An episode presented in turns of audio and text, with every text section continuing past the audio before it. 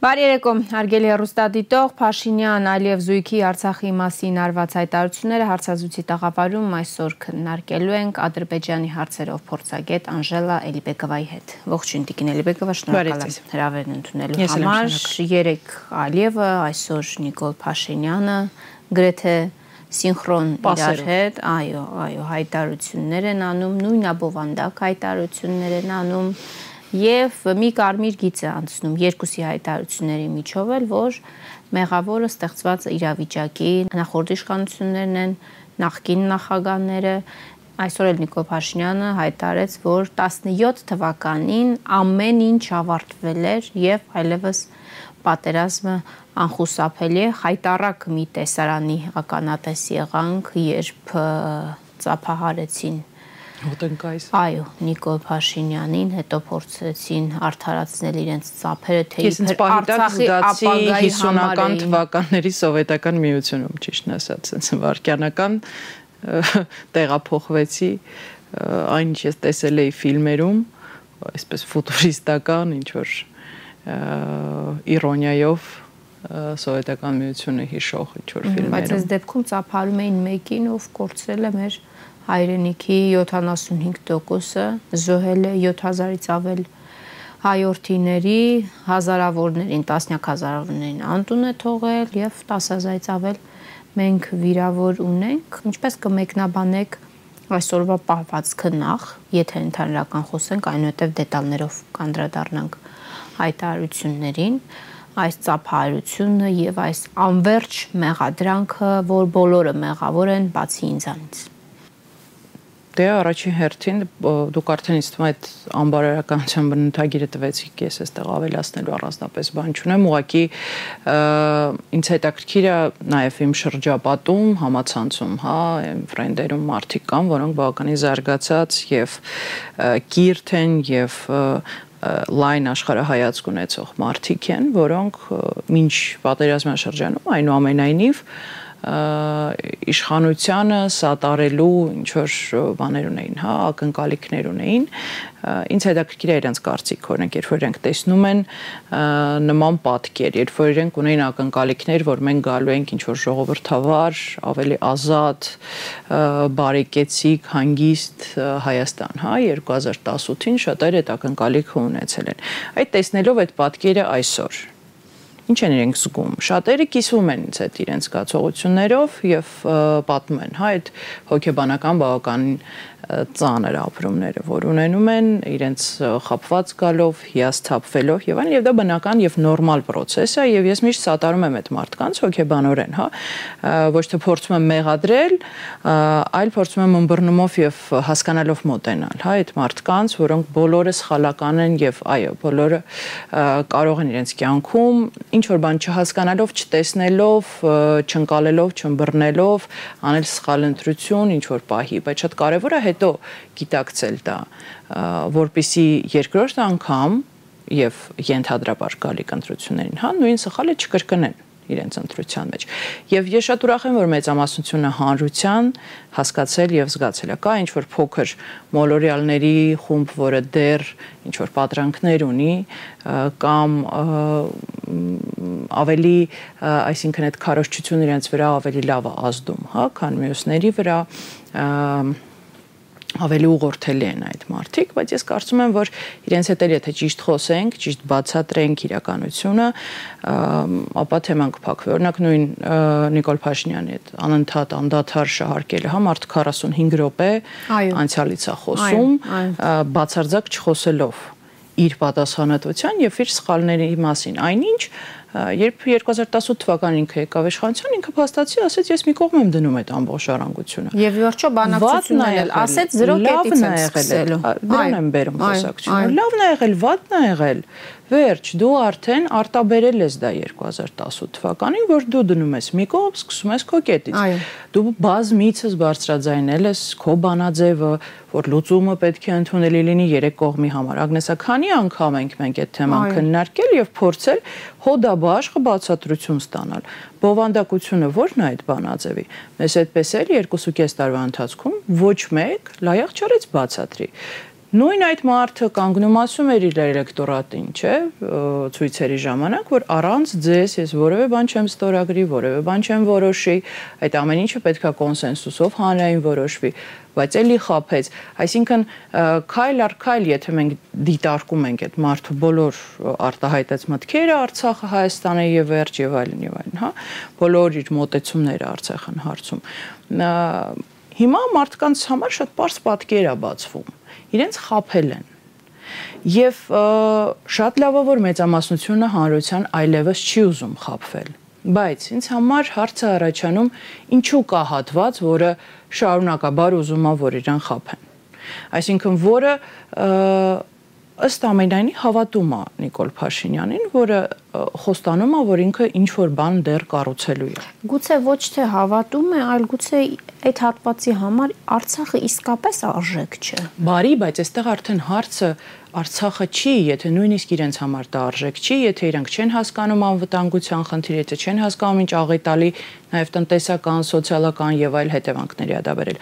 Կարող են այդ ամենը չհասկանալ, բայց այսօր հարցը վերաբերում է արդեն իրենց ուղիղ իրենց, հա, որովհետև երբ որ, չգիտեմ, ծնողներից մեկն էր, չէ, կարծեմ իր հարցազրույցում ասել օրեր առաջ, որ Նիկոլ Փաշինյանը հանդիպման ժամանակ ծնողների հետ ասաց, բա որ թուրքը վաղը Երևանում լինի։ Այո, ասել էր ոչ մի երաշխիք չունեք, որ թուրքը Երևան կհասնի։ Դուք ինչի եք սահմանին կանգնած ձեր որդու համար մտահոգվում, որտեղ մենք Երևանում էլ անվտանգ չենք, խոստովանել էր, այո։ Ահա, Երևանում անվտանգ չեք վերջապես ինքը դա արտաբերեց, հա, եւ մարդը փաստեց։ Եւ այսօրվա իր ելույթում էլ ինքը փաստում ասում է, ես 3 տարի շարունակ ոչ բան չեմ կարողացել անեմ, բայց տվեք ինձ քվե, որ ես նորից շարունակեմ ոչ բան չկարողանալ անել։ Դա է ֆորմուլան, դա է նարատիվը իշխանության, հա։ Ինքը ասում է, այո, ինչ չհաջողվեց սա, ինչ չհաջողվեց նա, ինչ չհաջողվեց սա, բայց ինքը ակնկալում է, որ հանրությունը իրեն նորից պիտի լիազորի այդ նույն սխալները կրկնելու, որովհետև ոչինչ չի փոխվել այն ամեն։ Ոչ թիմա փոխվել, որ կարողանա այսուհետ ինչ որ բան անի։ Ոչ ստարտային պայմաններն են ավելի լավը դարը, հակառակ իրենք ավելի վատն են եւ այդ ճգնաժամային կառավարումը մի անգամ արդեն եթե դու ձախողել ես, երկրորդ անգամ քեզ դա վստահել չի կարելի։ Չէ, այսինքն, եթե չգիտեմ, դուք մի անգամ վարպետ եք կանչում տուն, ինքը փչացնում է ձեր վերանորոգումը, երկրորդ անգամ չեք կանչում, չէ՞։ Պարզ լեզվով ասած, ոչ մի քաղաքացի չի գնալու երկրորդ անգամ լիազոր է այդ մարդկանց նույն սխալները կրկնել։ Իսկ չկրկնել իրենք չեն կարող, որովհետև իրենք չունեն այդ կոմպետենտությունը, որ անեն այլ ձևով, այլ թիմ էլ չունեն։ Իրանց ունեցածը այն է, ինչ որ մենք ամեն օր տեսնում ենք ազգային ժողովում եւ կառավարությունում։ Վերջ։ Ամեն աստծո օր նոր սկանդալային հայտարարություններ, իրար հակասող ինչ որ թեզեր, հա մի շաբաթվա կտրվածքով մենք արագ լսենք, որ պետքա ընկերանալ Թուրքիա եւ Ադրբեջանի հետ, որոնք սպանում էին մեր տղաներին բայրակտարներով։ Հարց էին նախապատրաստել, որ ինքը ասի, որ Թուրքը մեր թշնամին է, իդեպ։ Շատ լավ, մի շաբաթ հետո ախր ինքը նորից ասելու է լավ եկեք այնուամենայնիվ կոմունիկացիաները բացեք, չնայած այսօր էր ասում, չէ՞, ասում էր մենք հետևողականորեն շարունակելու ենք աշխատել կոմունիկացիաները բացելու ուղղությամբ։ Այսինքն մարդը նույնիսկ մի սփիչի ընթացքում է իրար մի քանի անգամ ինքն իրեն հակասում։ Էլ չեմ ասում, որ մի շաբաթվա կտրվածքով իր թիմը մեկ մի բան է ասում, մեկ դիամետրալ դրան հակառակը։ Էլ չեմ ասում ամիսներ առաջ, հա, երեք հիշել էի դրա մասին, որ ամռանը, երբ որ հաղթանակ էր տավուշում մեր մոտ, ամենամարտունակ բանակներ, ամենալավներ, ամենախիզախ տղաներն էին, ամենալավ տեխնիկան, գերագույն գլխավոր հրամանատարն էր։ Գերագույն ու մարտական խաչեր էր, որ բաժանվում էր։ 70-ից անցավ կես տարի պարզվեց, որ մենք բանակ չենք ունեցել 30 տարի, ամեն ինչ շատ վատ էր, այդ միլիարդավոր դոլարների տեխնիկան, որ կորցրել ենք, ինքը բա որտեղից է ձեռք բերվել։ Հա, եթե մենակ թալանվել է, մենակ ամեն ինչ տենց գողացվել է, գողացվել է, գողացվել է, բայց այդ սաղ տեխնիկան որտեղից էր 44 օր ինչով էինք մենք։ Այսինքն վարկագիծը, եթե ամփոփեք ձեր խոսքը, վարկագիծը ինչ է հուշում այս իշխանության եւ մասնավորապես Նիկոլ Փաշինյանի։ Տեսեք, օրինակ այսօր հայտարարեց, որ 17 թվականին ամեն ինչ ավարտվել էր եւ պատերազմ էր լինելու, փաստորեն ինքը 18 թվականին դա իմանալով վերցրեց իշխանությունը, չէ, չկանգնեց իր ընտրազանգվածին հասարակությանը չասեց, որ մենք կանգնած ենք անդառնալի առաջ, մենք կանգնած ենք պատերազմի առջև եւ եկեք գուցե շատ ուղիղ տեքստով, ոչ թե այլև այլություններով, այլ շատ ուղիղ տեքստով չխոսեց հասարակության հետ եւ վերջո ամենալեգիտիմն էր, չէ, համարվում։ Կարող էր առաջարկությունը գուցե ներկայացնել 5+2-ի իդեպ այսօր ասեց ադրբեջանական տարածքները 5+2-ը հատուկ ընդգծեց այդ ձևակերպումը երեք Ալիևը հայտարարում էր որ Սերժ Սարգսյանը ապրիլյան պատերազմից հետո երկու շաբաթ ժամանակ է խնդրել տարածքները վերադարձնելու համար դրան հաջորդեց նախագահի աշխատակազմի պատասխանը Իդեպ ի տարբերություն Նիկոլ Փաշինյանի, Երբ Սարգսյանը եւ Ռոբերտ Քոչարյանը միշտ Ալիևին բավականին կոշտ պատասխան են հնչեցնում։ Դե Նիկոլ Փաշինյանն էլ մենակ երկրորդ եւ երրորդ նախագահներին է կոշտ պատասխան տալիս, այսօր էլ անդադ իրենց անունն է։ Վարչագիծը, որովհետեւ Ալիևը նվաստացուցիչ բավականին հայտարարությունները միշտ անում Նիկոլ Փաշինյանի հասցեին, Նիկոլ Փաշինյանը Ալիևին հայտարարելու փոխարեն երկրի ներսում այլ հերթը փորձում ամենակնդակը։ Այսինքն ինչ է հուշում այս վարկագիծը նաեւ նաև է սինխրոն իրար հետ աշխատելը, բավականին սինխրոն իրար հետ աշխատելը։ Ընտրություններին են պատրաստվում, որովհետև վստահաբար Ալիևին Նիկոլ Փաշինյանը այստեղ պետք է որովհետև Ալիևը հասկանում է, որ ինքը այս պահի դրությամբ այստեղ ունի գործընկեր Հայաստանի իշխանությունում որը գնում է զիջումների, որը կատարում է Ադրբեջանի պահանջներ, որը նոյեմբերի 9-ի փաստաթղթով չնախատեսված ավել ու ավել զիջումների է բարբերաբար գնում ճնշումների տակ, որ կարելի է Ալիևին շահարկել գերիների թեման եւ հայկական կողմը ոչ որևէ բան չկարողանա այս իշխանության օրոք անել այդ խնդիրը լուծելու համար եւ այլն։ Այսինքն Ալիևը հիմա հնարավորինս հարմար գործընկեր է իրեն այստեղ գտել եւ ինքը անելու ամեն ինչ որ ներկայ իշխանությունը մնա իշխ իշխանության, որպեսզի շարունակի իր պլանները, որտեղ այդ կոմունիկացիաների բացումը առաջին հերթին շատ կարևոր է Ադրբեջանի եւ Թուրքիայի ցամաքային կապը ապահովելու համար եւ իրենք անելու են ամեն ինչ, որպեսզի ոչ մեկ իրենց դա չխոչընդոտի։ Հիմա իսկ ամենահարմար տեխնացուն Նիկոլ Փաշինյանն է։ Իհարկե։ Իհարկե, պարտված իշխանություն եւ առհասարակ այդ պարտության սիմվոլը եւ պարտությունը կրող իշխանություն այդ փաստաթղթը ստորագրող իշխանություններ ամենահարմար բանակցային հա թիրախն է որը արդեն սուբյեկտել չի ինքը օբյեկտը, հա, բանակցությունների, որին կարելի է ցանկացած բան պարտադրել։ Եվ հետեւաբար հանրության պահանջնել հեռանալու առաջին հերթին դրանում էր, որպեսզի մենք շանս ունենանք ինչ որ բան ուղղելու, որպեսզի շանս ունենանք, որ փոխենք նախ բանակցողին, փոխենք թիմը, փոխենք շատ ավելի կոմպետենտ, ավելի լուրջ թիմ աշխատի եւ պատմական եւ քարտեզագրական եւ դիվանագիտական եւ ռազմական բոլոր ոլորտներում, որպեսզի այլ հնարավոր թիմեր կարողանան ինչ որ բան փոխել իսկ այդ շանսերը կային իրեն գնալով ավելի եւ ավելի քչանում են օրեցօր։ Խոսել էր նաեւ Երևանի մասին։ Եթե մենք վերադառնում ենք Զանգեզուր, ինչու չպետք է վերադառնանք Երևան, այլևի ձևակերպում եք։ Կգա ժամանակը, որ մենք կանենք դա եւ ասում եմ որ կանենք առանց տանկերի հետաքրքիր է։ Տեսեք, որտեղ Թուրքիան եւ Ադրբեջանը չեն կարողանում լուծել հարցը զենքով, իսկ այդ թվում նաեւ Արցախում չկարողացան այնուամենայնիվ փաստենք որ չկարողացան լուծել միջև վերջ այդ հայց զենքով չնայած ամբողջ իրենց ռեսուրսը Ադրբեջանը եւ Թուրքիայի օգնությունը եւ այլ պետությունների օգնություն եւ սիրիացի վարձկաններ, այսինքն հնարավոր ամեն ինչ արեց դրա համար։ Բայց ոչ միայն չկարողացավ շատ լուրջ հաջողություն լուրջ հաջողության հասնել եւ ամբողջ Արցախը, հա, գրավել եւ օկուպացնել։ Ինքը կարողացավ մի փոքր առաջընթացը հետո ավելի ավելի ավելի հոգեբանական պրեսինգով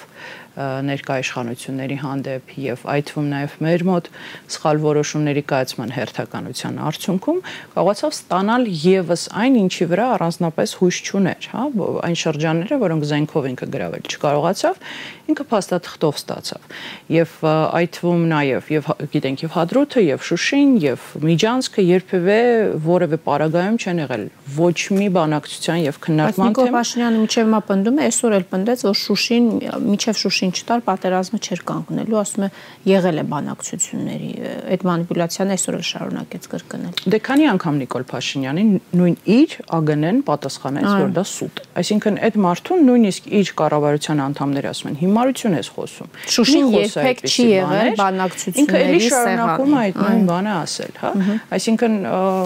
ես արդեն չգիտեմ, այդ ես վստահ եմ, որ այսօրվա ելույթն էլ բոլոր փորձագետները այսպես կտոր կտոր կվերլուծեն հերթով կգնան, հա,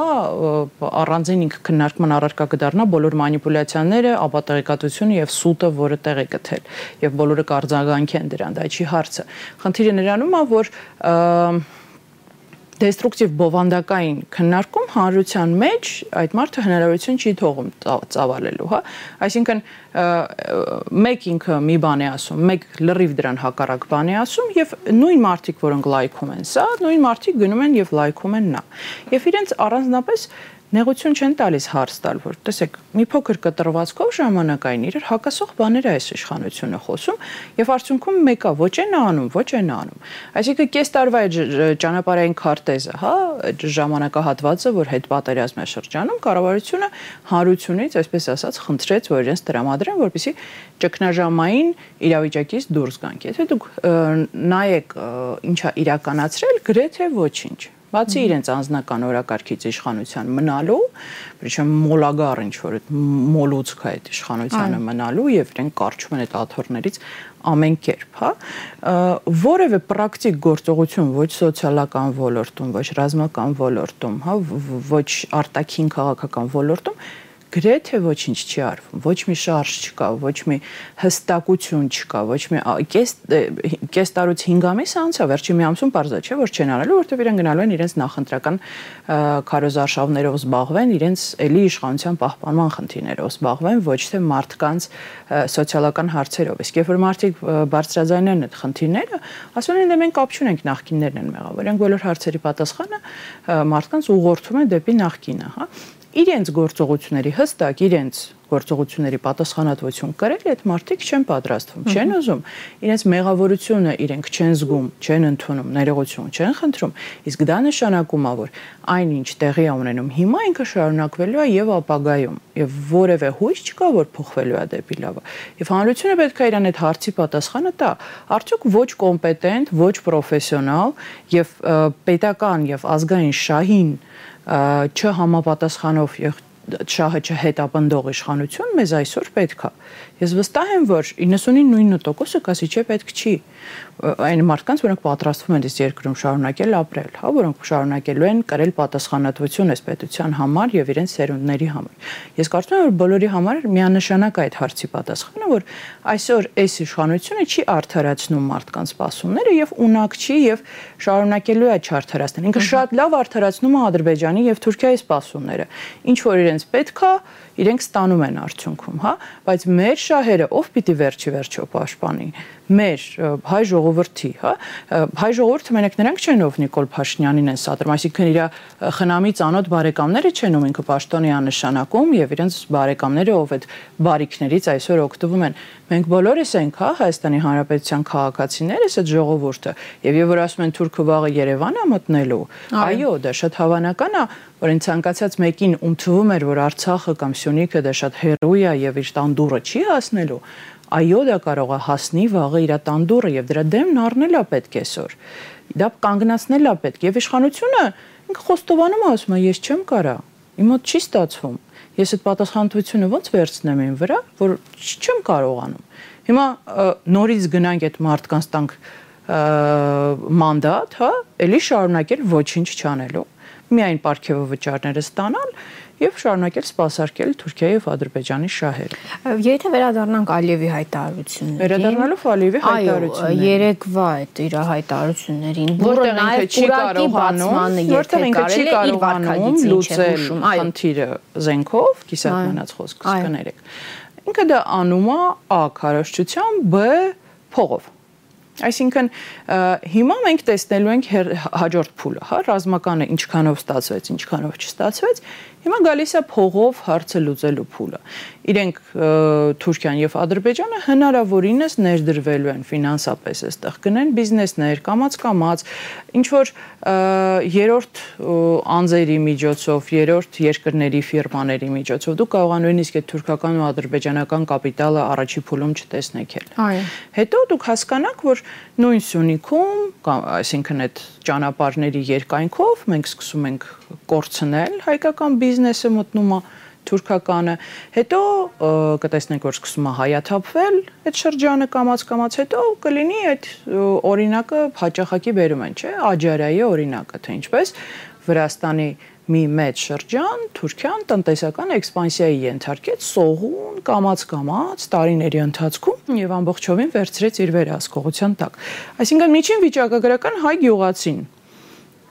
որ իր դաշտը չի վաճառի նույնիսկ, արենդա կտա, հա? Թուրք թուրքերին կամ նույնիսկ չեմ վրացական паспортով ինչ որ մեկին, հա։ Վաղը մյուս օր կտեսնի, որ շուկայում, այսինքն իր աճացրած 200 դրամանոց պամիդորի փոխարեն թուրքական 80 դրամանոցն է։ Ու ինքը սննկացել է, ու ինքը սոված է։ Ու ինքը ունենալու է երկու տարբերակ կամ գնա աշխատի այդ թուրքի համար, իր իսկ նախքին դաշտերում, հա, կամ ստիպված լինի արտագաղթի։ Այդպես են իրենք աշխատելու։ Այսինքն իրենք տալու են քեզ երկու ընտրություն կամ հայաթափվի այդ շրջանները դու գնանք կամ գաք եւ աշխատեք որպես իրենց աշխատուժ բանվորական։ Այսինքն նման պլաններ իրենք ունեն։ Հիմա մեր խնդիրն է դա թույլ չտալ որևէ պարագայում, իսկ դրա համար ես չեմ տեսնում հստակ որևէ գործողություն մեր իշխանությունների կողմից, հա։ Այ օրինակ ասում են, մեզ ինչ որ տնտեսական մեծ ներդրումներ են սպասում կոմունիկացիաների բացումից։ Ոչ մեկ, ոչ թիվա ցույց տալիս, ոչ ինչ որ կանխատեսումա ցույց տալիս, ոչ ինչ որ հստակ երաշխիքա ցույց տալիս դրա։ Այսինքն դա հեքիաթների, էլի կենացների, էլի հերթական խոստումների մակարդակի վրա, իսկ Թուրքիան ու Ադրբեջանը իրենց մասով արդեն եւ հաշվարկներ ունեն։ Եվ իրենց նույնիսկ քանի տոկոսով է տնտեսական համագործակցության արդյունքում ապրանքաշրջանառությունը աճելու, հա, եւ ամբողջ տարածաշրջանի համար իրենց հաշվարկն արել են արդեն։ Մենք իհարկե այդտեղից որևէ իրենց բանի մեջ, հա, կոորդինատների այդ համակարգի մեջ որևէ օգուտ պիտի չստանանք, որպեսի որպեսի իրանք թույլ չտան, որպեսի մենք զարգանանք, որ Հայաստանը ոդկի չկանգնի։ Այսինքն այդ կոմունիկացիաների բացումը Ադրբեջանին պետք է առաջի հերթին իր տնտեսական շահերից ելնելով, ոչ թե մեր, որպեսի դուք հասկանաք, մինչև Միչանսկի մասին է խոսքը հատկապես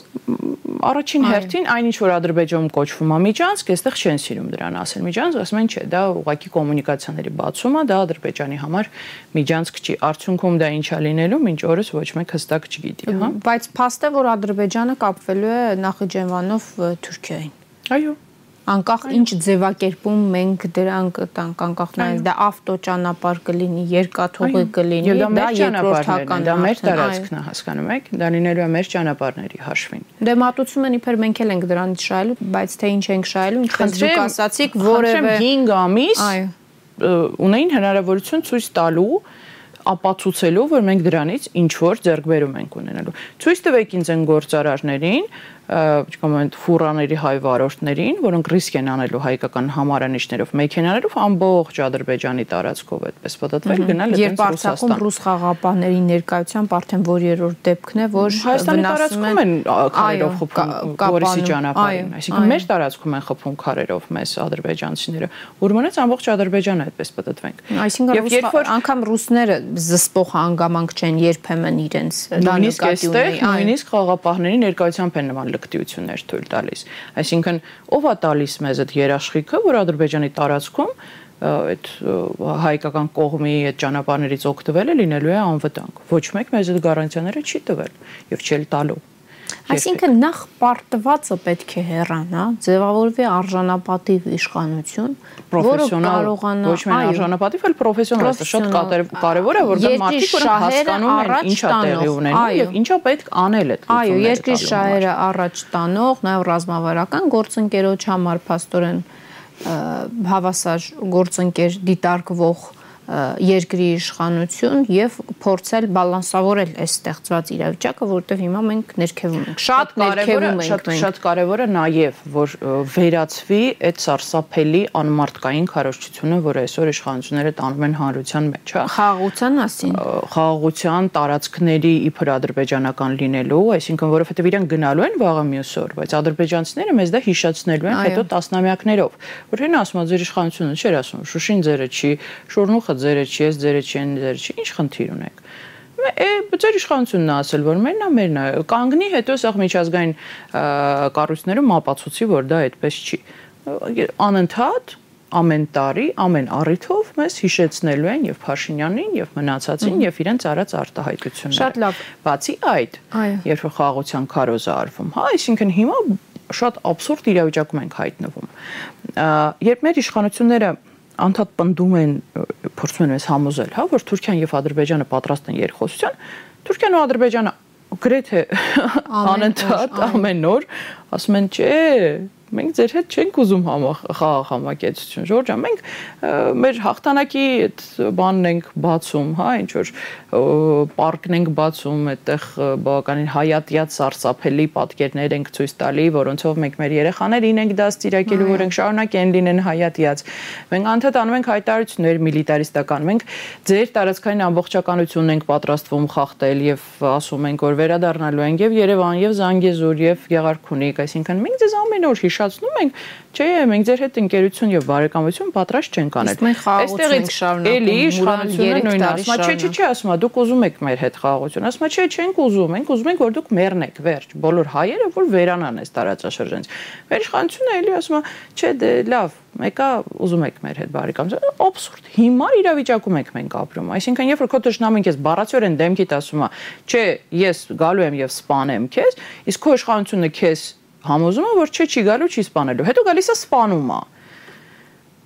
Ու քո իշխանությունը քեզ շարունակում է համոզել, որ չէ, այդ ամեն ինչը քեզ թվացել է։ Պետք է հիմա էլի շարունակել իրancից մուրալ խաղաղություն եւ ընկերություն։ Այսինքն սա ինչ իրավիճակ է։ Ես մենք ոնց ենք պատկերացնում հաջորդ սերունդը մեծանա այս մտնոլորտում, հա՞